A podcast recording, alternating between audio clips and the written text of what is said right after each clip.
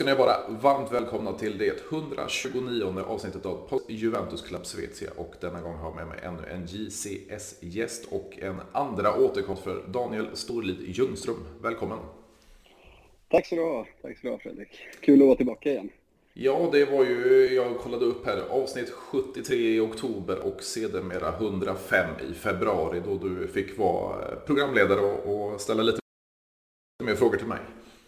Ja, precis. Det var ovant, men det var kul att sätta dig i strålkastarljuset också. Precis. Välförtjänt. Ja, det, det, blev annorlunda för min del och väldigt uppskattat att slippa programledarrollen för en gångs skull. Men, men eh, nu, nu kör vi omvänt igen och, och eh, ska snacka ner. Vi hade ju en, en match igår kväll mot Sampdoria som eh, vi båda nog har mycket åsikter men vi, vi kan ju börja med din, din sida av myntet.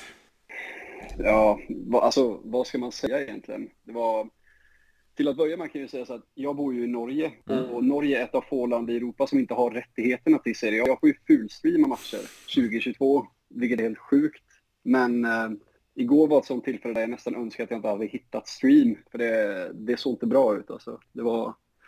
Nej, det är inte mycket positivt att säga om matchen igår. Nej, det var ju lite som alltså, om man tar eh, premiären mot Sao Solo. Det var väl första 25-30. Då, då såg det ut som ja, hela första halvleken igår mot Sampdoria. Eh, sedan var det väl lite individuella prestationer då som, som eh, gav oss två mål och sen sedermera ett tredje. Då. Men, men eh, spelet kom ju inte riktigt igång förrän i, i andra halvlek och i, igår mot Sampdoria så var det ju lite mer finlir och lite mer eh, idé bakom den när unge Miretti kom in till exempel. Ja, han var, han var verkligen en positiv injektion. Eh, och alltså, jag måste ändå säga att av de tre, Miretti, Rovella, Fagioli, mm. så har jag egentligen alltid tänkt att eh, Miretti är den som är längst bak i rangordning för min del. Mm, mm. Men eh, jag tycker han var väldigt, alltså så pigg ut igår. Och så gillar jag att han vill liksom framåt med bollen hela tiden. Jag tycker att jämför du hans direkta spelstil med det vi såg från Rabiot och McKennie igår så ser du att det händer ju någonting har bollen hela tiden. Och det tycker jag egentligen man kan säga om Locatelli också. För jag tycker att han klarar sig ganska ofta undan kritik per automatik eh, jämfört med de andra. Mm. Men Miretti var klart bäst av alla på mittfält igår när han kom in. Det är inget snack om saken. Ja, och det är ju lite pinsamt kan man ju säga alltså, som, som Juventus-supporter med det här. Eh, nu ska vi lägga till att vi har kanske stjärnvärvningen av Pogba ur, ur spel så att säga. Men, men med de vi har kvar då, alltså Lottelli är ju fortfarande lite längre ner i banan än vad, vad jag önskar. Men, men, skulle man då få in en Paredes som det talas om framförallt så, så Locatelli längre fram i banan, få tillbaka Pogba, då, då har vi nog ett mittfält som vi, vi, vi önskar oss. Men i dagsläget alltså, jag var inne, jag tror det var i förra avsnittet jag pratade om just McKendry, det känns ju inte som han har den fotbollskunskapen eller vad man ska kalla det. Eh, utan det är lite runkarspelare. Han, han springer efter bollen och jagar. Han har ingen teknik eller jättebra skott eller någon. Eh, Rabiot är Rabiot. Det, det, det, är en av tio matcher som ser bra ut. Eh, annars är han ganska låg. Eh, och, och, och, sätter man då in en, en 19-20 Meretti som, som får spelet att rulla och ja, visar sig för sina lagkamrater hela tiden, vill ha boll. Eh, visar på bra teknik, bollkontroll och så vidare. Då, det är ganska pinsamt att vi sitter på sådana här spelare. Jo, men alltså det. Och sen tänker jag så här, jag vet att det är många som har varit eh, negativa till att ta in Paredes. Men jag tänker så att han är ju en spelare som slår passningar framåt. Mm. Jag tycker att han, han är inte liksom den mest, eh, hade jag fått välja fritt bland olika register i Europa så är inte han den första jag valt. Men jag tror att bara genom att frigöra Locatelli och sätta honom högre upp så hade vi löst alltså en del problem även när Pogba är borta. För att Locatelli är duktig på att hitta öppnande passningar i i djupet och han, han vill spela bollen framåt. Men det som jag tycker är intressant också är att jag tycker att Rovella har sett jättefin ut. Mm. Både under inledningen, alltså försäsongen, men också mot både Sassuolo och mot eh, Sampdoria igår när han kommer in. För han tar för sig. Och det är det Miretti har gjort också. Jag tycker att båda två, de visar inte prov på någon nervositet eller att de, de passar bollen i sidled, utan de vill framåt båda två. Så att, ja, alltså hade det varit en annan tränare än Egris hade jag tänkt så att vi kan, vi kan lika gärna bara behålla Rovella och strunta helt och hållet i Paredes. Men jag vet att om vi gör det så kommer Bella förmodligen fastna på bänken och så Mm. spelar vi McKennie och Rabiot. Och det är, nej, det är det som är så tråkigt. Sen, jag vet inte om du såg det efter, eh, efter matchen igår, men Allegri var ute och kritiserade. Han sa, alltså han hade några kommentarer mot Miretti där, där han påpekade liksom att eh, hans, det var komiskt att se hur han jobbade hem och att han är Mm, mm. ung och han måste lära sig. Och det är så klassisk, det är så klassiska lägen i kommentar som det bara går att få. Det där att han snackar alltid om att vi behöver rutin, vi behöver spelare som har bevisat sig tidigare och allt det där. Men när både Gazettan och Tuttosport har Miretti som man of the match, så tycker jag, jag fattar inte varför han går ut och kommer med de där kommentarerna i media om att han måste lära sig sån och sån. Och det har han ju sagt om Vlahovic också. Mm. Att han måste förbättra, du märks att han är orutinerad och... Nej, jag, jag fattar inte poängen med vad...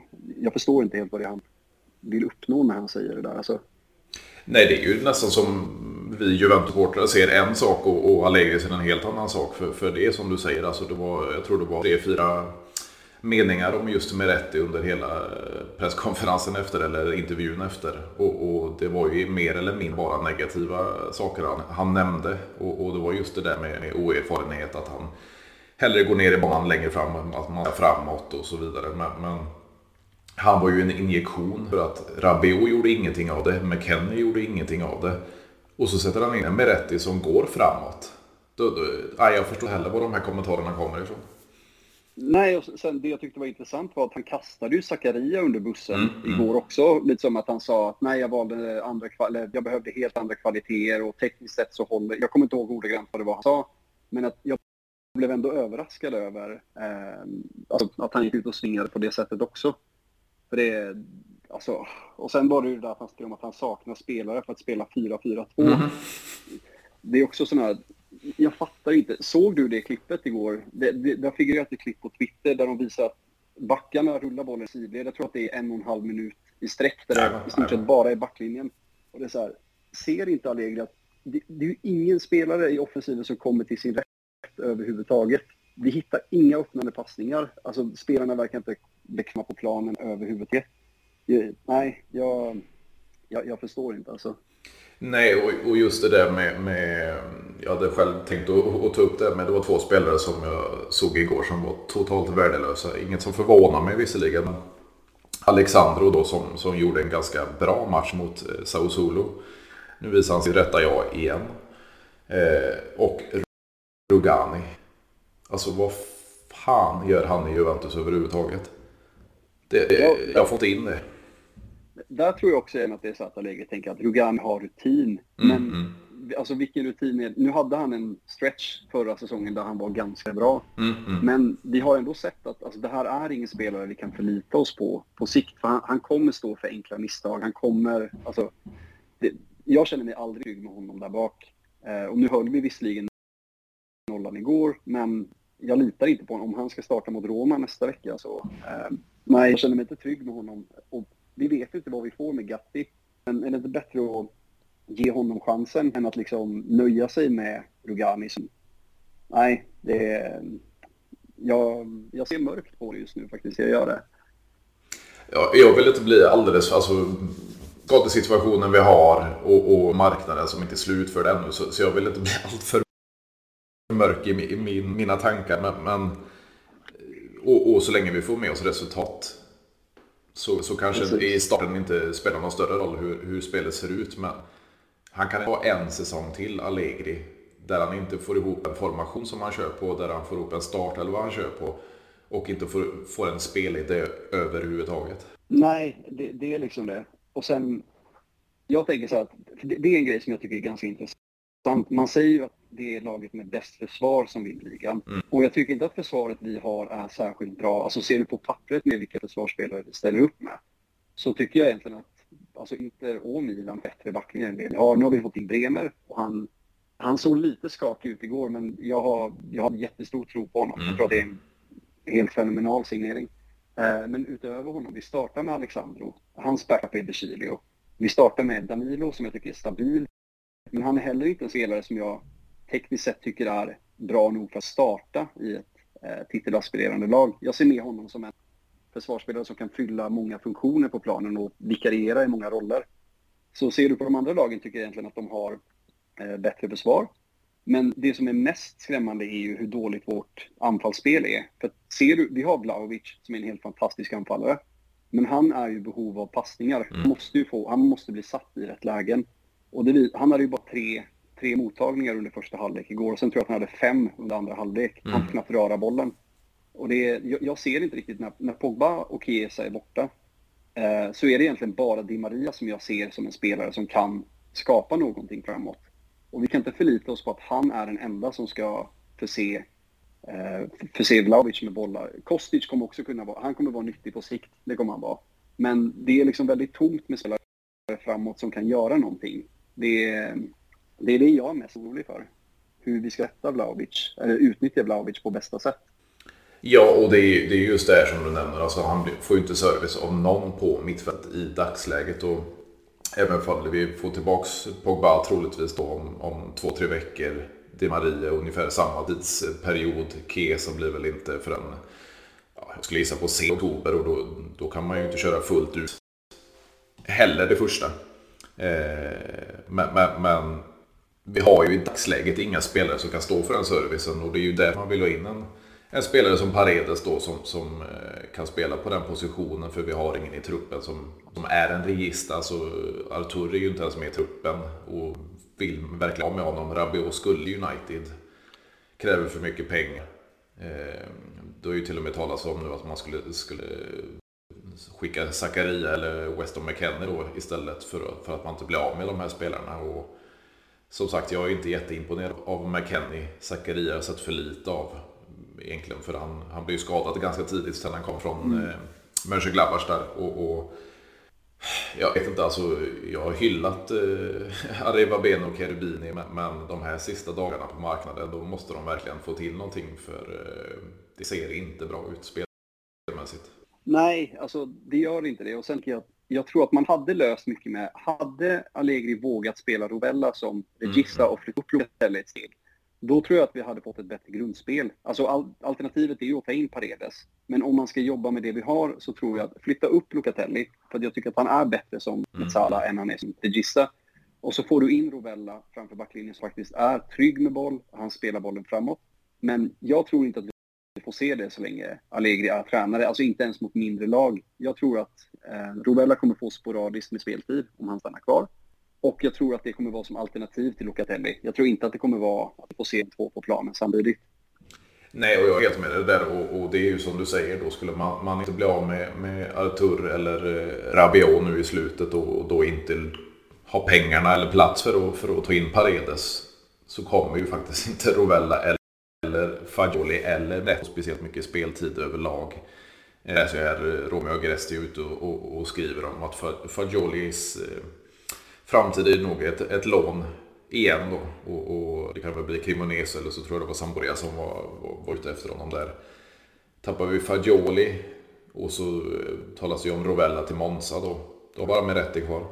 Ja, och eh, alltså, jag hade haft kvar två stycken. Jag tänkte som sagt innan att eh, vi kan skicka Miretti på lån och så behåller vi Fagioli och Rovella. Men eh, alltså, med tanke på det Miretti visade upp. Eh, jag tycker så, alltså nu var det inte mycket speltid han fick mot eh, Sassuolo heller, men jag tycker ändå att han har sett, han har sett eh, han har varit en spännande injektion. Han har inte sett så rädd ut som jag upplever att många av de här ynglingarna gör. Han känns mogen för sin ålder. Så att, eh, jag behåller honom gärna och då kan det faktiskt vara att det är smart att skicka Fagioli på lån. Även om jag vill att vi satsar mer på ungdomarna så bättre på att spela den här säsongen och få erfarenhet från Serie A än att han ruttnar på bänken eh, hos oss. För han har inte ens fått göra ett inhopp än. Liksom. Nej, och sen situationen kring det, det, det, var ju väldigt nära vad det verkar som med, med Rabiot till Manchester United-klubbarna var överens och allting. Och så gick ju mamma tillika agent Veronique in då och, och krävde ännu mer pengar. Mm. Och jag tänker lite två, två, två sidor av det myntet. Ena sidan är ju lite att Juventus får skylla sig själva. Alltså man eh, skrev på ett eh, dyrt kontrakt med, med en Bosman-värvning. Och man kände ju till situationen med Eh, hans mamma agent då redan i PSG och hur han betedde sig i franska landslaget och så vidare. Det kände man ju redan till sedan innan. Och då är jag lite med, med, med, situationen i Barcelona då, hur de eh, säljer av eh, tv-rättigheter och delar av sin eh, Barca Studios för att få registrera spelare, man eh, publik buar ut eh, vad heter han, Martin Breitweit. Eh, ja. De försöker bli av med, med Frenkie de Jong och så vidare. De har skrivit de här kontrakten med spelarna. Eh, de, det är ingen som kan tvinga bort dem om de inte vill lämna klubben. De spelar för sin, framförallt de Jong då för sin, sin drömklubb. Så, så, jag jämför lite situationen där, att Juventus får ju lite skylla sig själva.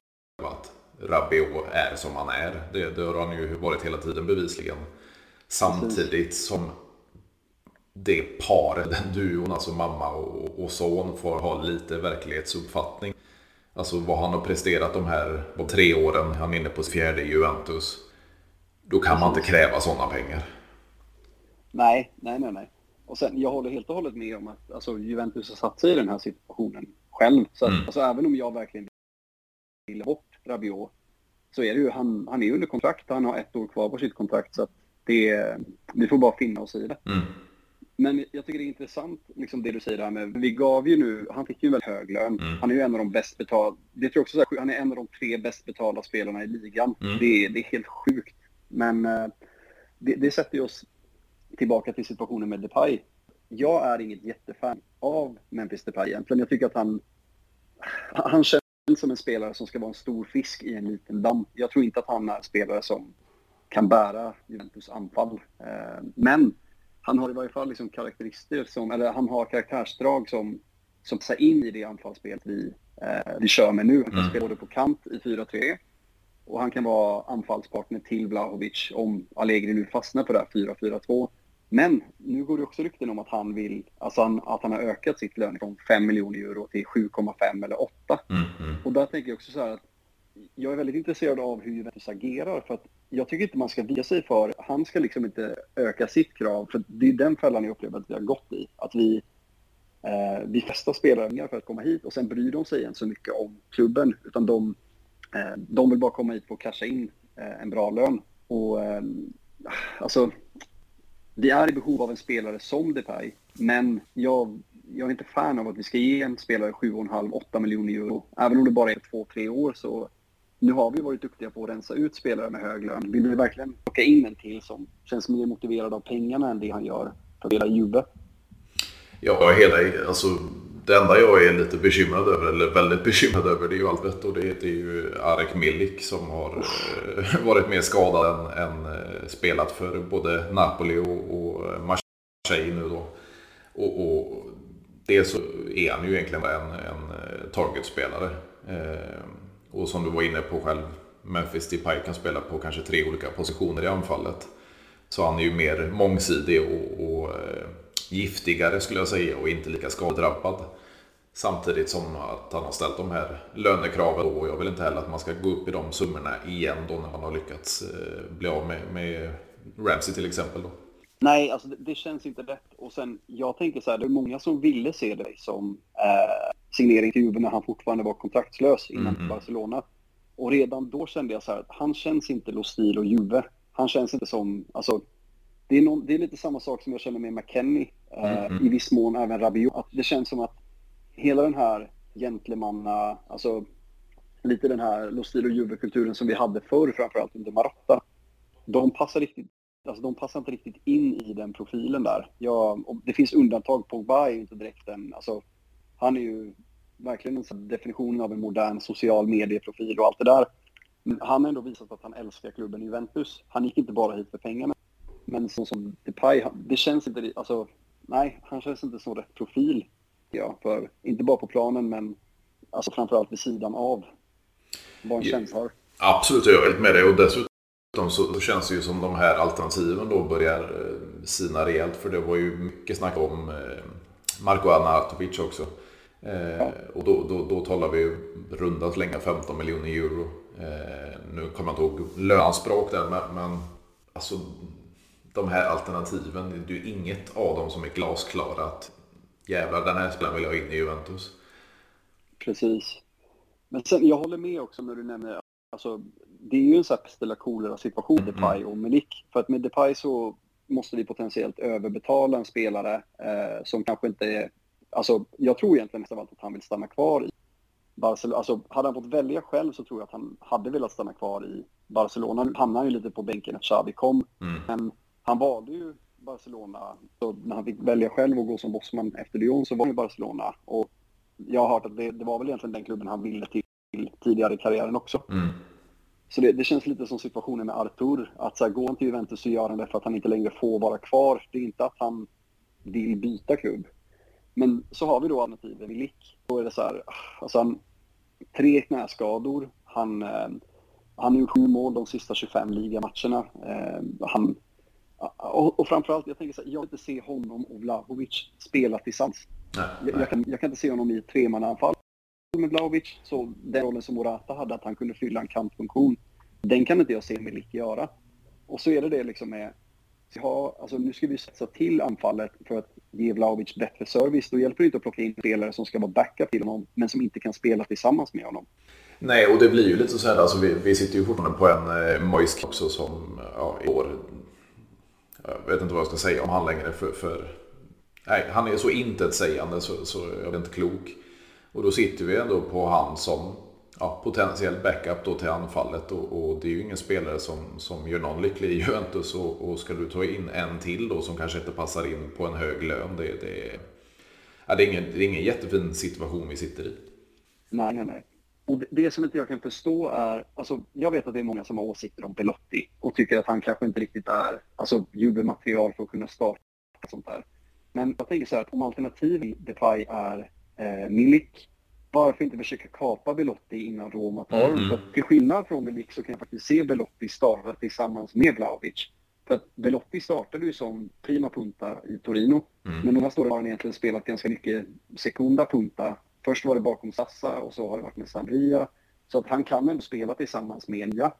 Och hans målproduktion har gått ner. Men Belotti är ändå som spelare, han jobbar hårt för laget, han springer hela tiden. Han är liksom jobbig jävel för motståndarna. Och och ställas mot för att han är sån som alltid liksom, han springer konstant.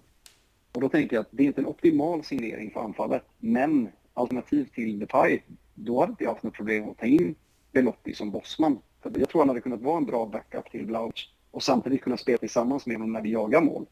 Ja, och han har ju fortfarande skrivit på, även fast det mesta tyder på, på eh, Roma, men han har ju inte skrivit på ett kontrakt ännu. Eh, så varför inte satsa dem? Eh, den lön, alltså jag tror inte han skulle kalla några större löneanspråk heller. Om man jämför med just Depay då, så, så varför inte försöka plocka in honom under de sista dagarna? Ja, så är det mer att jag ser ju så här att alltså, om det står mellan en nu vet inte jag vilken motivation Depay har, men om det handlar om... Alltså, det är ju det jag känner att vi har saknat lite grann i Juventus de senaste åren, att det är spelare som faktiskt vill bära tröjan. Hade vi fått in en motiverad Belotti mot en halvmotiverad Depay som kanske främst av allt vill casha in ett sista kontrakt innan han fyller 30.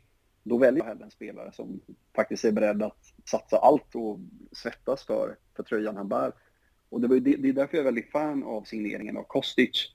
För att han är inte den flashigaste signeringen. Eh, han, kom, han är 30, eller han är 30, kommer från Bundesliga, och har mestadels spelat i Europa League.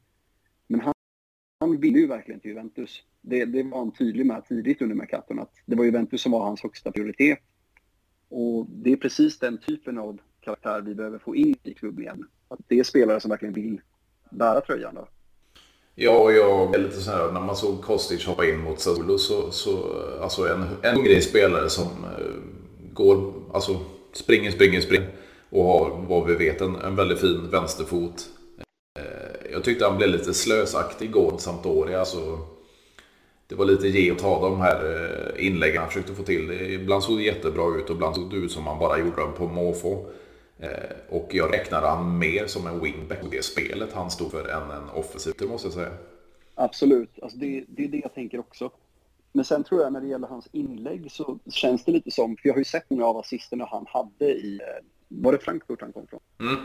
Mm. Det, var det, det, det är ofta de här låga inspelen snett bak. kommer någon, alltså så att han, han löper liksom fri på kanten och sen så är det ett hårt inlägg längs backen som någon kommer och tar. Och där känns det lite som att, jag tror inte att det är att vi har, alltså jag tror inte de har förstått riktigt det, alltså det, de, de har inte blivit liksom vana vid hans typ av inspel än. Jag tror att han, han var med, han var ju så många år i Frankfurt, så jag tror att de har mer synkroniserat med, de vet att när han tar den löpningen så kommer ett mm. inlägg på den ytan. tror jag att, det kan, att vi kan få se bättre resultat av det längre fram.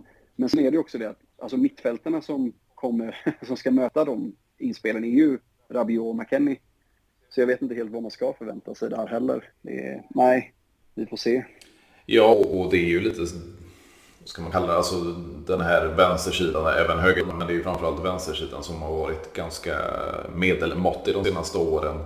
Eh, nu fick vi in en, en eh, Di Maria som kan spela på den kanten. Vi fick in en Kostic. Men vi har fortfarande ingen vänsterback av kvalitet. I och med att Alexandro är Alexandro. Nu skickar vi ju Luca Pellegrini då på, på lån till, till just för. Eh, nu kommer ju Botta tillbaka för, för Lecce har valt att avbryta lånet tidigare. Eh, det, det snackas ju om att lånas ut till Serie B-klubb. Så, så den här vänsterbackspositionen har ju varit eh, medelmåttig ganska länge nu. Ja, och det, alltså, nu är det ju här sista året vi dras med Alexandro. Så att jag tror att man kommer göra någonting på vänsterbacken nästa sommar. Jag tror inte att det stannar i Cambiasso eh, som vi har på lån i Bologna. Mm. Men alltså, när man såg vänsterkanten vi hade igår så var det liksom, det, det är Alexandro och det är Rabiot som startar där. Sen Kostic högre upp, men just innan anfallsspelet då, att det, det är de två som ska starta uppspelen på vänsterkanten. Det är nej, någonting bättre där. Alltså, vi så läste på, på Twitter då med gäst i år att Juventus har gett sig ut på marknaden igen efter en vänsterback. Så eh, de kanske såg problematiken igår. Ja, men då tycker jag verkligen att alltså, det är trist att vi missade Udogi i mm, Udinese. Mm. Inte bara i ett, kort, alltså, ett kortsiktigt perspektiv bara, för jag tror att han hade gått rakt in i elvan i Juventus och levererat från dag ett. Han är fortfarande inte en färdig produkt. Men du är det när du ser att Alexander är så avslagen. Han, han lyfter verkligen inte ett finger mer än det. Han gör det absolut minsta och sen så lyfter han inte ett finger mer än det. Och när vi inte längre har ett alternativ till honom så är det att han, han behöver ju inte höja sin nivå. Han vet att han får starta oavsett. Så hade vi bara fått in Udogi så tror jag att vi hade gjort en jättesignering både idag och för imorgon. Men nu gick han till Tottenham tyvärr, så det, det tåget missade vi.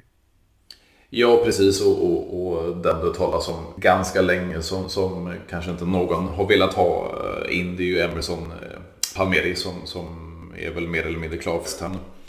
Eh, och, och, det hade väl varit en, en, spelare som kanske inte någon hade ja, ropat glatt över och kommit till Juventus heller. Nej, nej, nej. Och det, alltså det är därför jag tycker det är synd att vi missade Udogi. För att det känns som att det är väldigt få kvalitativa ytterbackar. Framförallt vänsterbackar. Mm. Och det blir att, eh, ja, vi, vi står där med Alexandro och om vi nu ska ut så vet jag inte vem, jag, jag vet inte vilka alternativ som finns. För att gick inte han, vi ryktades ju till en vänsterback i Holland, han hette? Eh, Just det. Eh, Owen, vad fan han nu heter. Ja. Är det Vindal? Ja, precis, precis. Jag tror att han gick till Ajax. Jag är inte säker, men jag har för mig att han stack till Ajax. Mm. Så där har vi alltid Nej, och det blir ju lite så man, man, man vad Juventus gick ut med. Det var ju tidigt, det var väl egentligen efter Pogba och Di Maria-värvningarna som det var ytterbackar på båda flankerna. Då var det Udogi och det var eh, Noel Molina som gick till, till Atletico. Eh, ingen av dem, man satsade ju inte på någon av dem. Sen förstärkte man med, med Andrea Cambiasso, lånade ut honom direkt. Så, så de här två flankerna, jag vet inte varför man, man man inte ser en spelare på den positionen. Nej, och jag tycker verkligen att Molina hade också gått rakt in och levererat i Juventus. Jag tyckte han var jättefin på Udinese förra säsongen. Och det är ju det, alltså just det här med Udogi och Molina som tror att det här Juventus-laget verkligen behöver EU. de hade kommit in med energi. För det är där jag känner när vi ser Alexandro De Chile och även Quadrado som jag tycker hade en jättedålig match igår. Så det att man ska inte se på vad de har gjort i Juventus tidigare, utan hur ser de ut nu? Och jag tycker att Quadrado är väl den som visar prov på mest motivation i den trion där, det ska han ha. Men alltså, du märker att efter så många år och så många titlar och vi, vi hade behövt liksom en frisk fläkt på kanten istället. Mm. Det, det, är för, det är alldeles för avslaget. Ja, och det är lite när du säger det, alltså Quadrado just har ju varit hos oss i, vad blir det nu, 7-8 år. Alltså det, det, ja han känns ganska mätt. Nu, nu, ska man inte ta en situation, men det här när han gick på eget avslut när han snodde bollen och inte passade en Vlahovic med mer eller mindre öppet mål. Så, så, och dessutom börja klaga på, på Vlahovic därefter. Eh, oh. Alltså där, det är bara en passning i sidled och så är det mål. Men, men eh, han, han, känns mätt, Quadrado. Ja, alltså det symbol verkligen så här, det sammanfattar Quadrado den sekvensen där sammanfattar honom helt perfekt. För hade han varit en mer spelintelligent fotbollsspelare så tror jag att han hade kunnat vara på nivå med, alltså, nu ska jag inte överdriva och säga Salah, eh, Sadio Mané, men du ser ju i, alltså Quadrado har det, han har tekniken, han är snabb, han har ett bra tillslag. Eh, han hade ju en säsong, det var väl under Pirlo när han hade alltså, fruktansvärt många assist. Mm. Så att han har egentligen väldigt mycket som krävs. Men sen kan han blanda de här liksom helt briljanta ögonblicken med och göra helt idiotiska saker också. Så att han, han saknar den här liksom nödvändiga spelintelligensen tycker jag för att vara av yttersta klass. Han, han har varit bra för Juve långa perioder. Men han, alltså han är inte uppe bland den här absoluta eliten. Han är, han är några steg bak. Ja, och det blir ju lite så här, man tar lagdelarna, jag sitter faktiskt och kollar på, på en, en eh, positions och passningskarta över matchen mot, eh, mot just Sampdoria. Och man får lite på print på vad såg i gårdagens match. Det här med att lagdelarna håller inte ihop överhuvudtaget utan spelarna är väldigt utspridda. De vet inte riktningar, de vet inte var de ska stå, de vet inte var de ska markera, de vet inte vart de ska gå i offensivspel överhuvudtaget. Och den här bilden är vållande över det att Allegri har ingen spelidé överhuvudtaget. Sen om det är bara hans fel eller om det är ja, spelarmaterialet som, som inte håller helt enkelt. Det, det, det är väl ett tudelat, eh, en tudelad fråga helt enkelt. Men, men, det ser ju så splittrat ut på, på fotbollsplanen.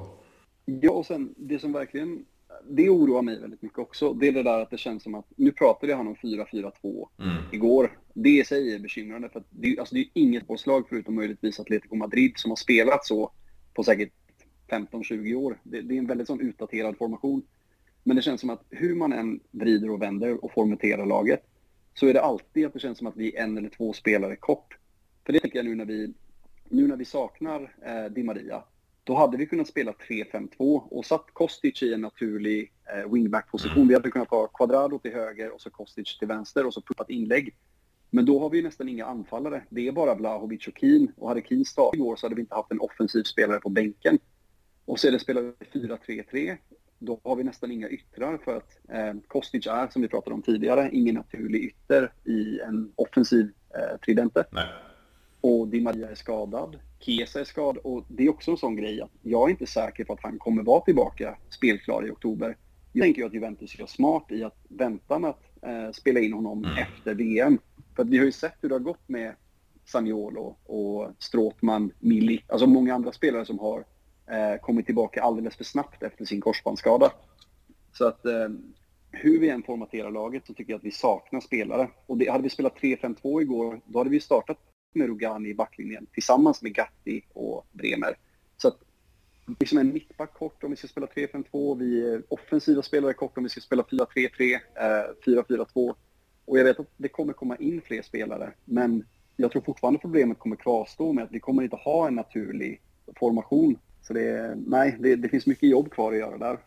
Ja, precis. Och det är ju, vad blir det, sju, åtta dagar kvar av marknaden. Och det finns ju som vi varit inne på i hela avsnittet nu, att det, det, det är ju flera positioner man måste beroende på vad Allegro då vill för fotboll. För, för som vi har tjatat om inför eh, säsongen skulle dra igång så ser det ut som att Allegri vill köra ett 4-3-3. Men just nu har han inte material för det.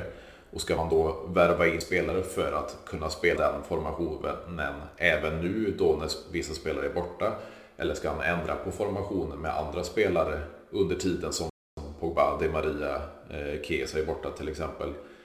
Det är ju lite så här vad man, man får bestämma sig för hur man ska gå tillväga de här sista dagarna och verkligen köra all in för att få till det. Ja, absolut. Och alltså, ja, där håller jag med. Jag, jag lyssnade på det avsnittet du hade med, han, med Ulrik, han från de tre mm. senatorerna, när han mm. sa det där med, alltså viktigt med kontinuitet. Eh, mm. nu har vi ju varit väldigt skadedrabbade och haft problem med att ha en fast elva. Men jag tänker jag såg när Allegri sa det häromdagen att eh, ja, men det är inte så lätt med att spela den fotbollen när Chiesa och Pogba är ute med skador. Nej, men vad hade du förväntat dig då? Du visste ju inför säsongen att Chiesa skulle vara borta mm. stora delen och alla vet vilken skadehistorik Pogba har haft i United.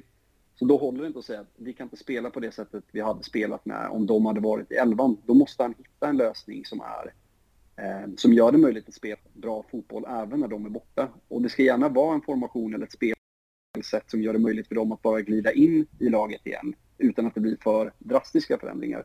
Så jag fattar att det inte är lätt för Allegri, men jag tycker också att han får sluta gömma sig bakom de här Alltså, det blir lite dåliga ursäkter nu och jag tycker ofta att han gömmer sig bakom antingen det med skador eller det med att spelarna saknar rutin.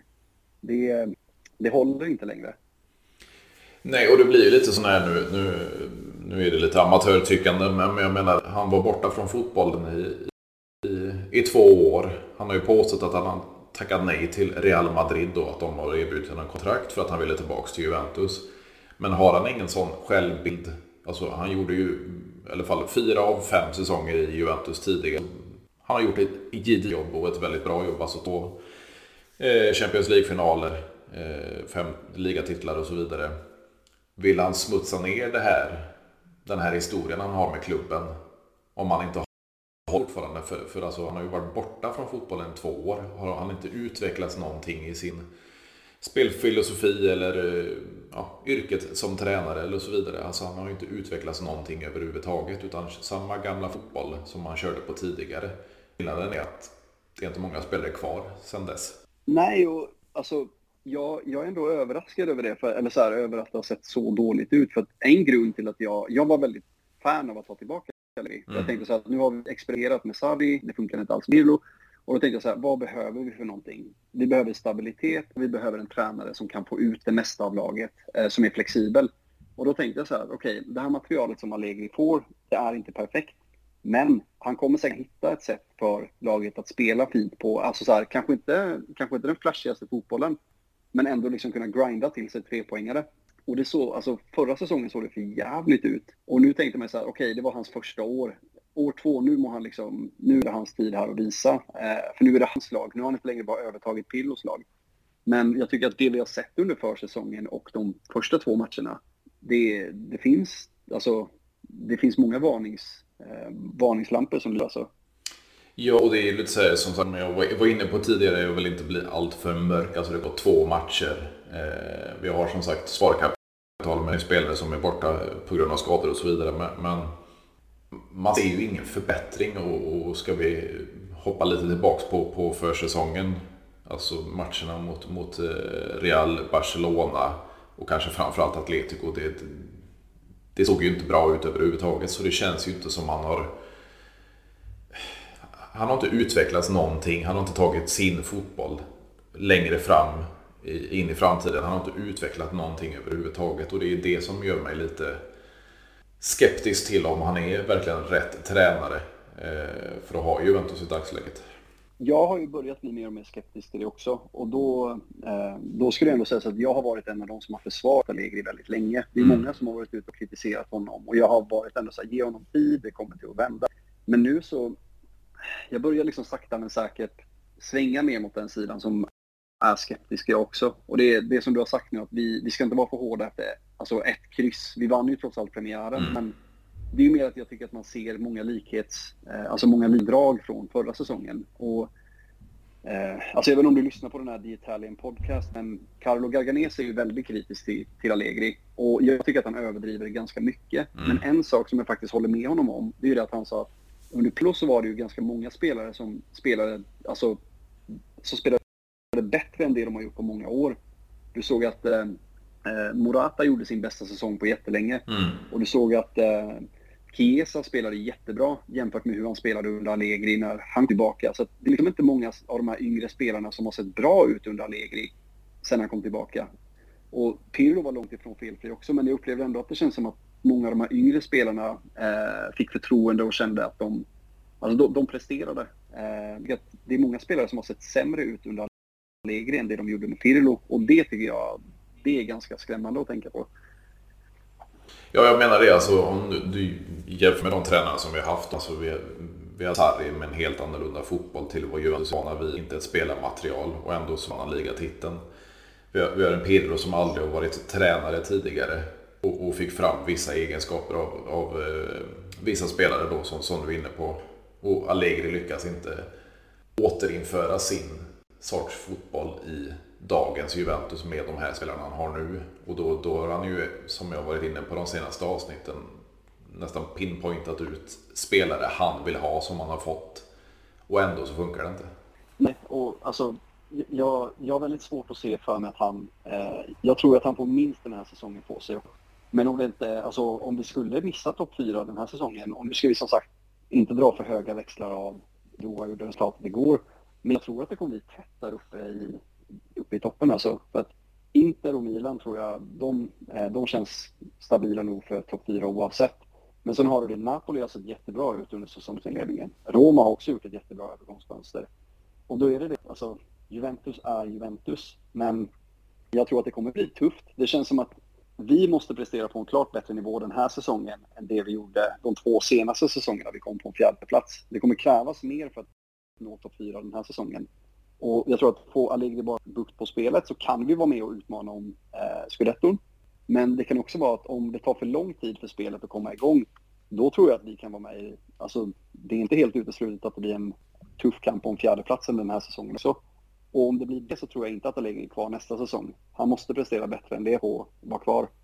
Ja, definitivt. Jag, jag är inte så, Juventus är ju inte som klubb att man, man sparkar tränare mitt under säsong. Så jag tror alltid att Allegri har sin, sin position säker denna säsongen. Men som du säger, går man att inte ta en minst en fjärde plats då sitter han extremt osäker på den posten. Men där är ju frågan, var ska man gå vidare till? Det, det var ju mycket rop inför eh, att Allegri kom tillbaka. Då är det ju mycket om, om Zinedine Zidane då som sitter utan arbete. Eh, och annars har det ju varit, kanske speciellt från min sida, men, men även i andra rapporter om, om eh, Italiano i Fiorentina. Och det är ju lite att gå väldigt olika vägar eh, om man skulle välja någon av dem. Men, men eh, vad, vad, tror du själv om, om Allegri misslyckas igen? Vad, vad, vill du se och vad är troligt att se på Juventus framöver? Eh, alltså, jag, jag tycker väldigt mycket om Italian. Eh, jag tycker han, han är den italienska tränaren som känns mest spännande. Men så är det också det att han... Det, det är ju det, Juventus försökte bli ett mer modernt och offensivt mm. lag.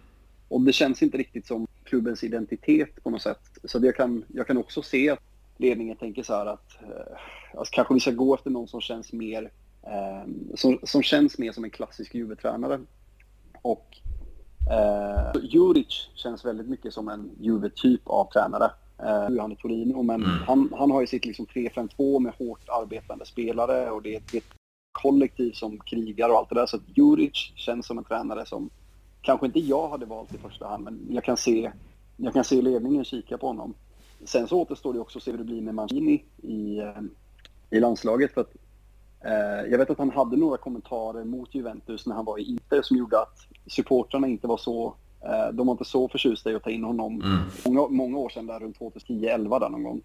Men eh, han är Juventino, har jag för mig. Så att jag tror att han kommer träna Juventus någon gång i framtiden. Och, eh, nu har väl han kontrakt med Italien till 2026 eller någonting sånt. Ja, jag kommer inte ihåg hur mm. länge han skrev på. Men om han, eh, om han drar sig tillbaka tidigare så kan Juventus plocka honom. Jo men det är lite så här, jag har faktiskt inte suttit och tänkt på Juri som Juventus-tränare, men han är ju Conte-esk av sig. Eh, det är och, och, får ut väldigt mycket av, kanske inte medelmåttor, men, men eh, ja, spelare som inte är på den nivån så får han ut väldigt mycket. Han byggde ju upp Hellas Verona, nu är han på väg att bygga upp ett Torino. Så, så egentligen så är det ju en tränare som, som kan vara på Juventus. Eh, och det är som du säger, jag har varit inne på det. Först var det, eller först, men för några år sedan så var det Di Francesco som var den här nya italienska spännande tränaren. Den karriären gick ju åt eh, pipsvängen höll jag på att säga. Eh, sen var det De Cherbi eh, och gör en konstig flytt då från Sassuolo till Chaka Donec. Eh, och sen var det ju Italiano då som, som kom som en uppstickare och eh, gjorde det väldigt bra i, i Spezia och nu nu i Fiorentina så, så eh, kanske inte gör under men, men har en spännande. Ja, eh, och jag är ändå så nyfiken på var han kommer hamna ifall han inte hamnar i Juventus. Han känns mer som en tränare som är för Roma eller, alltså Roma eller Milan. Mm, men hade han gått till Juventus så hade jag, jag hade tyckt att det var kul. Men vi, vi får se, i första hand så är det det liksom, alltså om Allegri vänder på skutan nu så har han ju faktiskt kontrakt två säsonger till mm. säsongen. Och jag tror inte, jag tror inte att ledningen önskar att sparka Allegri för det blir dyrt och nu har man ändå gjort, alltså man investerade ju honom för att man tänkte att nu kör vi på ett långsiktigt projekt. Så jag tror att det kommer sitta längre inne och sparka honom än det har gjort de senaste åren för nu har man ju bytt tränare så ofta. Men äh, det, det, är någonting med Allegri och Juve nu. På samma sätt som jag tyckte att det kändes helt klockrent när han kom tillbaka förra sommaren. Så är det någonting som, det, det känns inte riktigt som att det klaffar riktigt längre. Det ja, jag hoppas att han motbevisar mig. Men äh, det känns lite som, när han övertog laget från Conte så hade han verkligen ett grundmaterial som passade honom mm. perfekt. Och när han inte har det grundmaterialet nu så är ju frågan, är det en spelare som kan bygga ett lag från grunden eller behöver han helst av allt ett lag som han kan, alltså som är färdigbyggt som han kan liksom förbättra då? Eh, det är ju där jag börjar bli mer och mer inne på att han kanske hade behövt ett, ett bättre lag till att börja med för att så ta det där. Jag, jag är inte säker på att han är rätt person för att bygga upp Juve från grunden igen. Ja, men det känns ju faktiskt som, alltså, han körde ju faktiskt på, på, på Contest 3 när han tog över. Sen så började han ju finjustera och det blir lite mer 4-2-3-1 och så vidare. Och, och, som jag varit inne på i tusen gånger nu att han var mästare på under matcher eller inför vissa motstånd. Ändra lite i formationen eller så gör han ett byte och så blev 3-5-2 en 4-2-3-1 och så vidare. Han var extremt duktig på det men det var som du sa, det var ett konterdrillat lag han fungerade de två, tre första säsongerna och sen så börjar man se att det knackar lite eh, i, i, i fogarna och, och sen sista, alltså femte säsongen i Juventus, då, då såg det inte alls lika bra ut och, och eh, spelarna var på nedgång helt enkelt. Precis. Och alltså, det, det håller jag med om helt och hållet. Det där med att styrkan till Allegri förr var att han var en taktiker. Han var mm. jätteduktig på att utmanövrera bättre lag med att handla upp en matchplan eller kunde ta in en spelare som det på matchen helt och hållet till Juventus fördel. Men alltså förra säsongen, vi vann inte en enda match mot topp 4. Vi, alltså noll segrar mot topp 4. Mm. Och den enda matchen som vi egentligen var direkt bra i där, det var ju den vi förlorade hemma mot Inter. Då spelade vi bra och då var hans matchplan så här att han, han spelade ju ut Inzaghi helt och hållet. Men utöver den matchen där så vi var dåliga borta mot Inter. Vi var inte bra varken hemma eller borta mot Milan. Borta mot Napoli så var vi bra kanske typ första halvtimmen och sen så var vi utspelade egentligen resten av matchen. Och samma hemma mot Napoli. Vi hade vissa glimtar av bra spel men totalt sett så såg det inte bra ut då heller. Och när jag tänker att när han då har tappat det här med, han verkar inte längre, plus att ja, i Champions League då mot Villarreal så blev han ju också totalt urvärderad av eh, Emery. Så att när han har tappat då det som var hans signum, att han var en bra matchcoach och spelet inte heller ser bra ut, då har han mycket att bevisa. Och jag har fortfarande enorm respekt för Allegri, så jag hoppas att han motbevisar mig. Men det har alltså, på samma sätt försvarat honom väldigt länge så har jag väl nu eh, börjat acceptera att eh, man kanske ska släppa det han har gjort förra sessionen och fokusera mer på det som faktiskt är nu. Och, nej, då, då ser jag många varningsklockor som, eh, som ringer, så vi får se. Ja, med, med tanke på det, vad tror du nu? Vi har eh, Sassuolo och Sampdoria nästa match mot, mot Roma. Eh, jag tyckte det var lite tråkigt att få se en, en Nicolo Saniolo gå ut skadad igen. Men, men det visade sig ja. ju vara tre veckor borta med axelskadan så det var ju inte så, så farligt som de första rapporterna sa. Men, men eh, de har ju ett ganska intressant lag minst sagt. Eh, med, med Lorenzo Pellegrini och Temi Abraham från, från tidigare och så in med en med Dybala och så vidare. Wijnaldum då som också gick sönder visserligen. Men, men ja, ja. Eh, ett intressant projekt. Vad, vad, vad tror du om våran kommande match mot eh, storstadsklubben? Alltså det, det, är jättesvårt att säga. För att hade det varit för några år sedan då hade jag tänkt så här att okej, okay, Juventus har, eh, har en skadelista som är jättelång och alla förutsättningar är egentligen jättedåliga. Men då tror jag ändå att vi hade gjort en sån här klassisk Juve. Vi hade, vi hade vunnit bara av att vara liksom Juventus. Vi hade grindat till oss en 1-0 eller 2-1 seger. Eh, men, men, nu så är det så här. Alltså, det att jag, så, jag har så jäkla svårt att se vem som ska servera Vlahovic.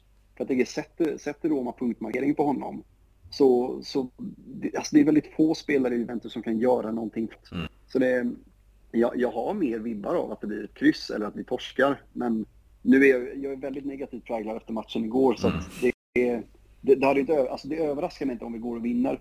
Men alltså, utifrån det jag såg igår så är det väldigt svårt att se vem ska, liksom, vem ska avgöra matchen. För att den som var bäst mot Asolo, där vi faktiskt vann med 3-0, det var ju Di Maria. Eller mm. var också fantastisk, men grunden till mycket av det Vlahovic gjorde framåt var ju att Di Maria var där uppe med honom. Och han, han är väl inte svag mot Roma? Är han det? Uh, nej, nej, nej. Uh, jag tror det skulle två, tre, nej, tio dagar sa väl Allegri. Uh, eh, så drygt två veckor då. Så, så, så, han är ju inte tillbaka än och, och det känns ju lite där att som du säger, vem ska servera honom och, och det Maria. Jag blev lite, Alltså jag blev glatt överraskad att han var så pass bra. Men samtidigt en 34-åring som kommer från, från PSG. Ska han vara så jävla mycket bättre än de andra? Ja, alltså helt egentligen från att Di Maria blev ryktad till Juventus så tänkte jag så här att om han kommer till Serie A så tror jag att han kommer vara typ bäst i hela ligan, punkt. För han, han känns som en sån här TVs, alltså TVs var ju två yngre, mm. men just det att Di Maria, han är så smart och så snabb fortfarande för sin ålder att jag kände så att jag tror att om han bara har motivationen på plats, då kommer han vara, då kommer han vara svinbra. Så jag hoppas att han kommer tillbaka, alltså jag hoppas att han håller sig skadefri eh, den här säsongen för att jag, jag, tror att han kommer vara nyckeln till hur bra det går för oss den här säsongen. Men sen är det som du säger också att det är tragiskt att han är så överlägsen absolut alla andra. Att han skulle vara väldigt bra, det kommer inte som en överraskning, men att alla runt honom är så pass under, det, det är som du säger, det, det är inte värdigt Juventus. Nej, och det är lite problematiskt där för, för säg när det Maria kommer tillbaka skadefri, Pogba tillbaka skadefri, Kese kommer tillbaka skadefri. Det är klart en jävligt bra offensiv. Men vad som kommer därefter, alltså, som, som vi båda varit inne på, Kostic ser vi lite längre ner i banan. Får vi då inte in en Paredes eller blir av med, med Arturo och, och Rabiot och så vidare så, så kommer Locatelli spela längre ner. För han kommer inte använda sig av, av eh, Meretti eller, eller Rovella. Så det blir ju lite tunt bakom eh, även fast vi har också ett, ett jävligt giftigt eh, anfall och offensiv överlag så, så är det ju ganska tunt där bak. Ja, alltså det blir ju. Och där är jag så här, kan man inte bara flytta upp Locatelli, pröva med Rovella. Han hade inte behövt göra det mot Roma. Han hade kunnat starta Rovella som regista mot Sassuolo eller mot Sampdoria. Bara få se hur blir dynamiken i laget med Rovella eh, som regista och Locatelli lite högre upp. Jag tror att det hade funkat jättebra. Mm. Och sen, det, det, är det jag tycker är så roligt där med att han säger att eh, han, han, vill att Rabiot ska göra tio mål. Han vill att McKennie ska mm. göra tio mål. Det är ingen av dem som har tio mål i sig under en säsong. Och ser man på vad Locatelli har presterat hittills i karriären så har inte han heller gjort det. Men vi såg ju vad han kunde göra i EM, alltså för Italien. Han, då hade han ju friare framåt. Och jag tycker ändå att han visade ganska många gånger förra säsongen när han faktiskt fick flytta upp när Artur kom in, att han var framåt. Eh, han, är, han har liksom ett bra skott, han har, um, hans spelförståelse är jättefin. Och han hade ju det där nickmålet borta mot Roma också, så att han, han är farlig liksom på många sätt. Han är lång, han är teknisk och han är en bra passningsspelare. Så jag ser ju, jag ser ju honom som en Metsala. Alltså mycket, mycket mer naturlig som en Metsala i Marquisio-rollen. den han har nu som regista. Mm, definitivt, och det, det, ser man ju så, för, för jag var inne på det redan förra säsongen.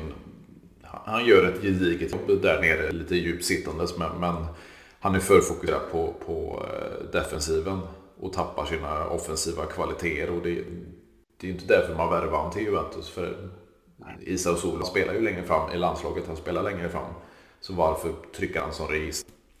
Ja, det blir lite som när man hade Dybala på en kant. Mm. Alltså att han kan göra vissa grejer på kant, ja. Men han har inte den explosiviteten för att vara en bra ytter. Han ska spela närmre, närmre mål. Alltså centralt närmare mål.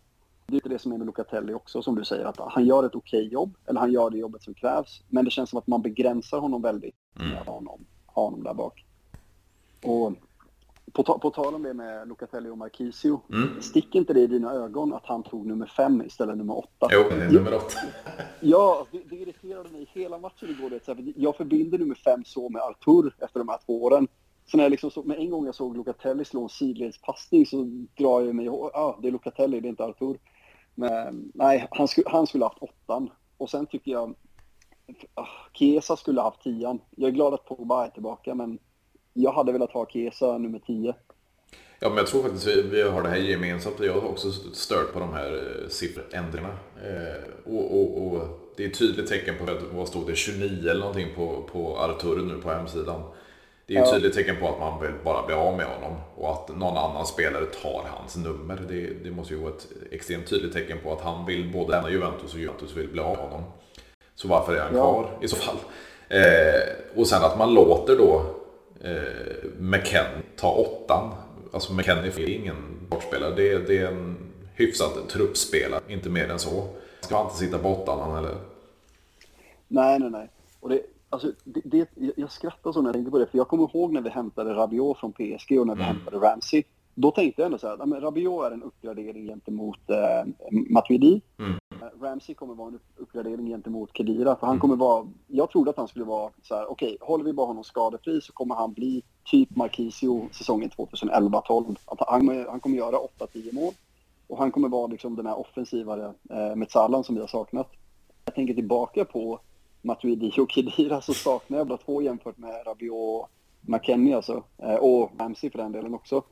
För jag tycker att det Matuidi saknade i passningsfot, det kompenserade han för med att han sprang mm. och tacklade liberalt. Du visste så här att okej, okay, sätter du Matuidi på plan så får du en spelare som är aggressiv och som pressar och som hjälper backlinjen och gav liksom Ronaldo den här fria rollen till vänster. Matuidi tog mycket liksom av det defensiva jobbet. Och det var samma sak med Kedira. Det var många som sa honom, men han, han var ett offensivt hot med sina löpningar och han, han gjorde, alltså sista säsongen han hade under Allegri så hade han väl åtta eller nio mål i ligan. Och det är ju det McKennie inte klarar av. Alltså Rabiot klarar inte av att göra 8-9 mål på en säsong. McKennie klarar inte av att göra 8-9 mål på en säsong. Och ingen av dem är lika bra defensivt som Matuidi var. Så de känns bara som mellanmjölk båda två. Det är liksom, de är inte bra offensivt och de är inte liksom bra defensivt. De är bara... De är helt okej okay som average. Men det räcker inte. Nej, och den, jag är lite orolig för att eh, Denis Zakaria kan gå samma väg. För som sagt, man fick inte se så mycket av honom första halvåret då. Förra säsongen i och med att han var skadad. Men, det jag vill se av honom, gå in 110% i, i varje duell och springa lungorna av sig. Och, och uh, använda sig av de här bläckfiskbenen till, eh, eller armar till ben som han har. Och, och, och, i och med att han, Allegri då gjorde teckningsval och inte satt han igår till exempel. Det, det känns lite så här, han förlitar sig på Zakaria heller. Nej, men jag, jag förstår, jag hade velat höra honom liksom utveckla mer med tekniskt val. För mm. då tänker jag så att okej, okay, han menar att han är för dålig offensivt med boll. Eller alltså no någonting, hans första touch är för dålig. Men vad bidrar McKennie och mm. Rabiot med att Karia kan göra? Alltså det är, ah, nej, jag blir lite trött på det. Och sen är det Miretti som inte tar hemjobbet mm. Så det är liksom, skärp dig. Det, nej. Nej, sagt som jag var inne på tidigare. Det känns som vi Juventus-supportrar ser en sak på spelet och vi ser något helt annat. Det det, det är lite skrämmande. Ja, och sen, det, det som jag tycker är trist, och det visste man egentligen när Allegri kom tillbaka, det är att han kommer inte prioritera unga. Men för första Nej. gången på länge så tycker jag att det känns som att vi faktiskt har, eh, alltså vi har alltid haft unga spelare som är utlånade eller som, som vi har liksom i Serie B eller något bottenlag i Serie A. Men för första gången på länge så känns det faktiskt som att vi har ganska många hyfsat bra ungdomsspelare och då framförallt på mittfältet. Och då tänker jag liksom att vi kan inte konkurrera med Premier League, alltså marknadsföringsmässigt eller ekonomiskt. Det går inte. Vad måste Juventus göra då för att kunna konkurrera? vi kommer aldrig kunna köpa samma spelare som de, den tid där vi kan konkurrera om de absolut största spelarna med Premier League-lagen. Och då är det så här, varför inte satsa på ungdomsakademin som vi har? Och jag förstår att Allegri är inte en tränare som spelar fem, sex ungdomar i startelvan. Men istället för att ha liksom 32-årig trött Alexandro, varför inte ha, alltså om du inte är redo att starta Cambiasso, varför inte låta honom vara komplement till mm. Alex istället för att ha De Chilio där? Det är det jag inte riktigt förstår. Att det, det blir så överdrivet med att han vill ha den här rutinen på bänken för att nu är De Chilio 30. Jag tycker han är sämre nu än han var när vi varvade honom från Milan. Då tyckte jag att De Chilio var ganska... Han var en stabil, eh, alltså ett komplement som var stabilt att kasta in. Du mm. visste liksom att det här är ingen flashig spelare men han är säker bakåt. Jag tycker han ser ut som ett rådjur, ett strålkastarljus. Mm. Han ser livrädd ut när, när det kommer spelare med hög press mot honom. Ja, exakt samma sak med Rogani. Ja, ja, ja. Det, ja, nej. Det, det, det är i fall bra att vi har Bremer, för det tänker jag vi släppte det lyft. Hade inte vi lyckats kapa Bremer, det hade ju varit den sämsta backlinjen vi har haft i Juventus nu sen Deleri. Och det, alltså det är inte långt därifrån. Trots Bremer så är det... Det är Bonucci som ändå är så här, han är, han är äldre så vi vet inte helt vad vi får med honom den här säsongen. Men det är Bolle Bremer. Gatti, han måste fortfarande... Jag tror på honom. Vi får se vad han kan göra. Men det är liksom Rugani, De Chilio, eh, Alexandro. Nej, så det, det, är mycket som behöver göras. Inte bara den här säsongen utan nästa också. Men det är där jag satt. För nu går Alexandros kontrakt ut, mm. kontrakt går ut, Rabiots kontrakt går ut. Det är många dyra löneposter som försvinner nästa sommar. Så att om man bara lägger en bra grund nu, avsluta fönstret med att hämta en eller två. Det behöver inte vara dyra spelare, men spelare som passar in gör det möjligt för oss att skapa lite mer framåt. Då kan vi liksom satsa all in nästa sommar på, på, eh, på backlinjen.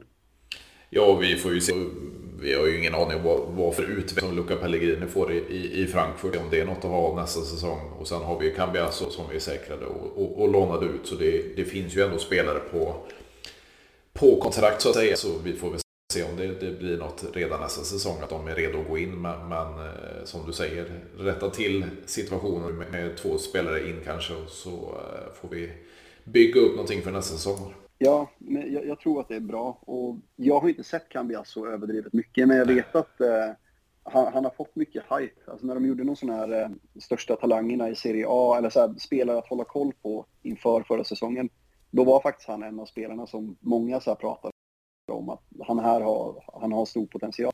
Så jag tycker att det, det är en fin signering av Juve, men då måste han bara få chansen också.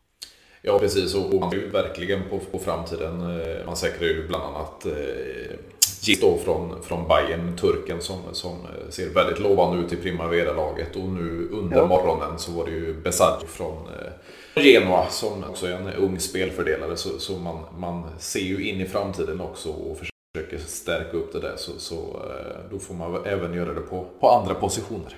Ja, där tänker jag, nu har vi ändå ett mittfält då. Alltså, Rabios kontrakt går ut. Eh, jag tror att man kommer, eh, man kommer bli av med Artur. Det blir säkert på lån, men man kommer göra sig av med honom. När vi då har en intressant trio i Rovella, Miretti, Fagioli, då hoppas jag att man satsar på den. Och självklart behöver inte alla tre starta, men hade till dem jag hade jättegärna haft kvar Rovella den här säsongen som mm. eh, ett alternativ till eh, regisrollen. Och sen ha Miretti som en mer offensivt inriktad Metsala. För vi vet att Pogba kommer att vara mycket skadad. Och då är det bra att ha en mittfältspelare som vågar spela bollen framåt och är offensiv. Sätter vi då Fagioli på utlån den här säsongen och han gör bra ifrån sig i Cremonese eller Storia eller vad det än blir. Mm. Då kan han vara ett alternativ till, till en backup nästa sommar. Alltså vi, vi behöver inte... Vi, vi, kan fortfarande ha en mittfältstrio med större namn än så, men vi vill också komplement till den mittfältstrion. Och det är där jag hoppas att istället för att man använder de här spelarna i bytesaffärer eller aldrig plockar tillbaka dem igen, satsa på de spelarna som vi har nu, för det är framtidsnamn. Och det är billiga spelare att ha i truppen. Ja, och man får inte glömma det här. Alltså, okej, okay, Rovella från Genoa, men vi har Fagioli, vi har Meretti och vi har eh, Filippo Ranocchia från egna leden. Så det är ju homegrown spelare. Så, så, så det, det är ju bara positiva eh, saker inför en, en eh, CL-trupp till exempel och så vidare. Att man har eh, spelare som är från, eh, från ega akademin så att säga. Verkligen, verkligen. Och jag tror, jag tror på de tre. Alltså är det så att gör vi oss av med de tre eh, så, så tror jag att alltså vi, jag blir inte överraskad ifall de dyker upp en italiensk klubb längre fram. Mm. Lite som, nu, nu gick det inte så bra för Sensi, eh, som är till, tillbaka nej, i Monza, men jag kommer ihåg att vi hade ju en option på Sensi när han var i Sassuolo. Och när han gick till Inter så såg han svinbra ut i starten innan han började skada sig. Och Då kommer jag att jag tänkte, fan, vi hade honom då. Och det är ju det jag tror kommer hända ifall vi skulle, det var ju lite snack i sommar om att vi skulle släppa Rovella till Roma eh, om vi plockade Saniolo från mm. dem. Och då tänkte jag så här att alltså, jag är inte säker på att vi gör en smart deal där. Alltså, jag fan, det, det, känns bara som att alla de tre har karaktärsdrag som... Alltså det känns som spelare som kan bli väldigt bra. Och då tänker jag istället för att lägga 40, 35-40 miljoner på en Barella, varför inte försöka forma de här tre till, till, till en sån spelare? Eller en ny Locatelli. Jo, det är ju lite så här, alltså, vi, vi fick ju Locatelli som du nämnde. Milan fick en Tonali. Inter fick Barella. Varför skulle de här tre spelarna som vi nämner nu kunna bli något för framtiden också? Ja, alltså det, är, det är bara att de måste få chansen, men det är där liksom, hela grejen med Allegri kom in. Han snackade om att du kan inte förvänta dig att en spelare som är 21-22 eh, ska spela på samma nivå som en spelare som är 28. Och det är då man vill liksom ställa honom frågan, men har du sett, alltså du har haft ett break, har du sett i Premier League, har du sett spelarna Real Madrid hämtar? Och det är klart att nu hämtar ju Real Madrid ungdomar som kostar mm, mm. alltså svinmycket. Men de har ändå vågat satsa på unga spelare. Och det är det jag tycker är så häftigt med Real Madrid, för att de struntar ju helt i den här Galcos-eran till slut och nu har de satsat på unga spelare. Så nu när de säljer Casemiro för 60 miljoner euro till eh, Manchester United, då har ju de redan en ersättare klar i Chouameni. Eh, och han, det han kostade? 80, 75, mm, mm. något sånt där. Så då har de liksom en, Casemiro Chouameni är väl så 20, 21, någonting sånt där. Och de har hämtat Kamavinga förra säsongen. Så de har ju när Modric och Kroos lägger skorna på hyllan så har de redan två svinbra unga mittfältare klara. Det är ju lite så jag Juventus opererar, mm. att om vi nu släpper, säg att Di Maria eh, väljer att inte förlänga optionen nästa sommar, då skulle vi haft en yngre spelare på, alltså som är kanske inte klar för att fylla hans skor med en gång, men som ändå liksom har varit en understudy och backup till honom som kan kliva in, som är liksom eh, inskolad när han lämnar då.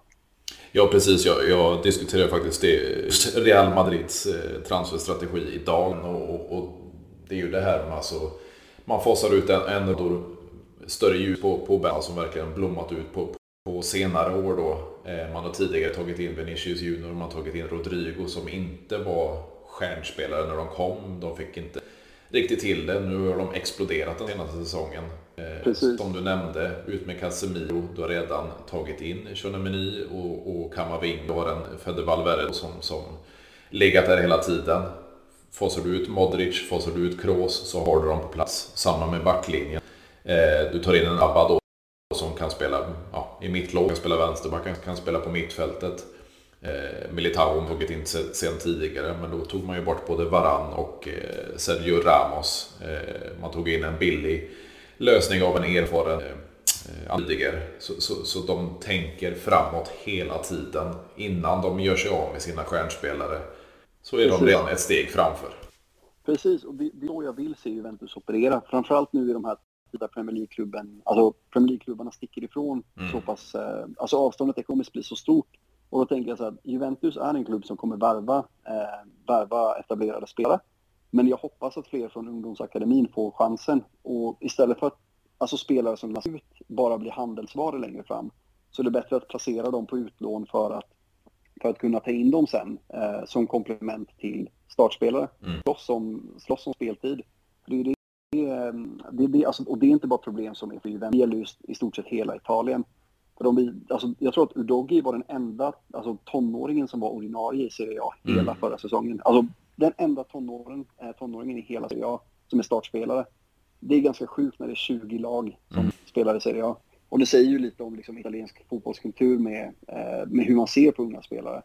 Men nu har ju Juventus ändå ett U23-lag och det är där jag hoppas att när man ändå har velat vara banbrytande och, alltså tänka framåt på så många olika sätt, varför inte göra det nu?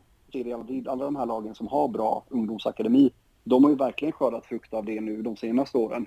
Ja, definitivt. Och, och, och det är ju som du säger, vi sitter ju enda italienska storklubben, eller enda italienska klubben, mer eller mindre, som sitter på ett, på ett U23-lag då och kunna utnyttja den situationen. Har vi avstängningar och skador så plockar vi upp spelare som, som har potential och sedermera får chansen i seniorlaget. Och, och om man startat det här laget så borde man ju verkligen utnyttja den situationen. Ja, ja absolut. Det är, alltså, det är därför jag hoppas också att de kommer upp till, eh, till Serie B. För de klarade väl inte kvalet i Serie C? Nej, nej. Nej, för att om vi bara får upp dem i Serie B, då blir det ju lättare att parkera eh, alltså, ungdomar. Men samtidigt är det då måste det också vara spelare som är, säg 18, 19, 20, 21. Vi kan ha spelare som är, det är ju några i U23-laget som är 30 plus. Mm. Och det är det väl bara nu i startfasen för att vi ska få upp laget i, i Serie B. Men när vi väl är där, då gäller det att vi plockar de bästa unga spelarna och sätter i Serie B. Och sen hoppas jag också att hela den här modellen som Barcelona har kört med är ju att ungdomslagen spelar samma formation som A-laget gör. Mm. Det tycker jag också är en sån här grej som är väldigt smart. För det, då, alltså, övergången från ungdomslaget till när de in i A-laget sen blir mycket smidigare ifall det är att okej, okay, spelar Juventus 3-5-2, då spelar vi också 3-5-2. För då, nej, jag, jag, tror att det, det, är ett bra sätt att jobba på. Och jag hoppas att den, alltså, når de bara Serie B snart så tror jag att vi kan skörda frukt av det också. De är redan, vad kallar man det, indoktrinerade i själva systemet i klubben så att det, det, det blir en konstighet när de stiger upp i seniorlaget sedermera. Nej, nej, nej. Och Miretti var väl i, han var väl i U23. Man, mm. alltså när vi plockade upp honom förra året så var han väl i U23. Jajamän. Ja, så det visar ju ändå att det finns, alltså det finns spelare att hämta där nere. Det, det finns intressanta namn. Sen tycker jag att alltså, Solé, man kan ju inte bedöma honom efter, efter det inhoppet han hade mot Sassuolo, men jag, jättemånga letar. Solé borde vara liksom eh, backup till Di Maria. Och nu kommer jag gå emot mig lite själv, men jag sa att vi borde ha en ung spelare istället till Di Maria. Och jag tänker att jag har inga problem med att Solé är med och tränar och sitter på bänken i matcher och sådana grejer, men jag tror inte att han är redo för att vara liksom, nu när Di Maria är borta så Solé känns inte redo för att vara semi-startspelare i Juventus just nu. Miretti känns mycket, alltså, mm. mycket mer självsäker och eh, mogen för sin ålder än det jag har sett av Solé hittills. Ja, definitivt. definitivt. Eh, jag känner så här. Jag tackar stort igen för att du ville vara med och köta. Jag har verkligen snackat ner eh, gårdagens match och, och ser in i framtiden även och, och bygga vidare på klubben och marknaden och så vidare. Så eh, ta ett, ett, ett, ytterligare ett snack lite längre in på säsongen. Väldigt gärna. Det är jag som snackar Fredrik. Fortsätt göra det du, det du gör. Det är jättekul med podd. Stort tack och eh, som sagt, stort tack för att du ville vara med igen. Så eh, snack lite längre in och se om, om det hänt någonting. Det kan ju bli under, under VM. Man, man får diskutera lite hur hösten har, har gått och så vidare. Det låter som en jättebra plan. Strålande. Det gör vi. Ha det gött! Go, go!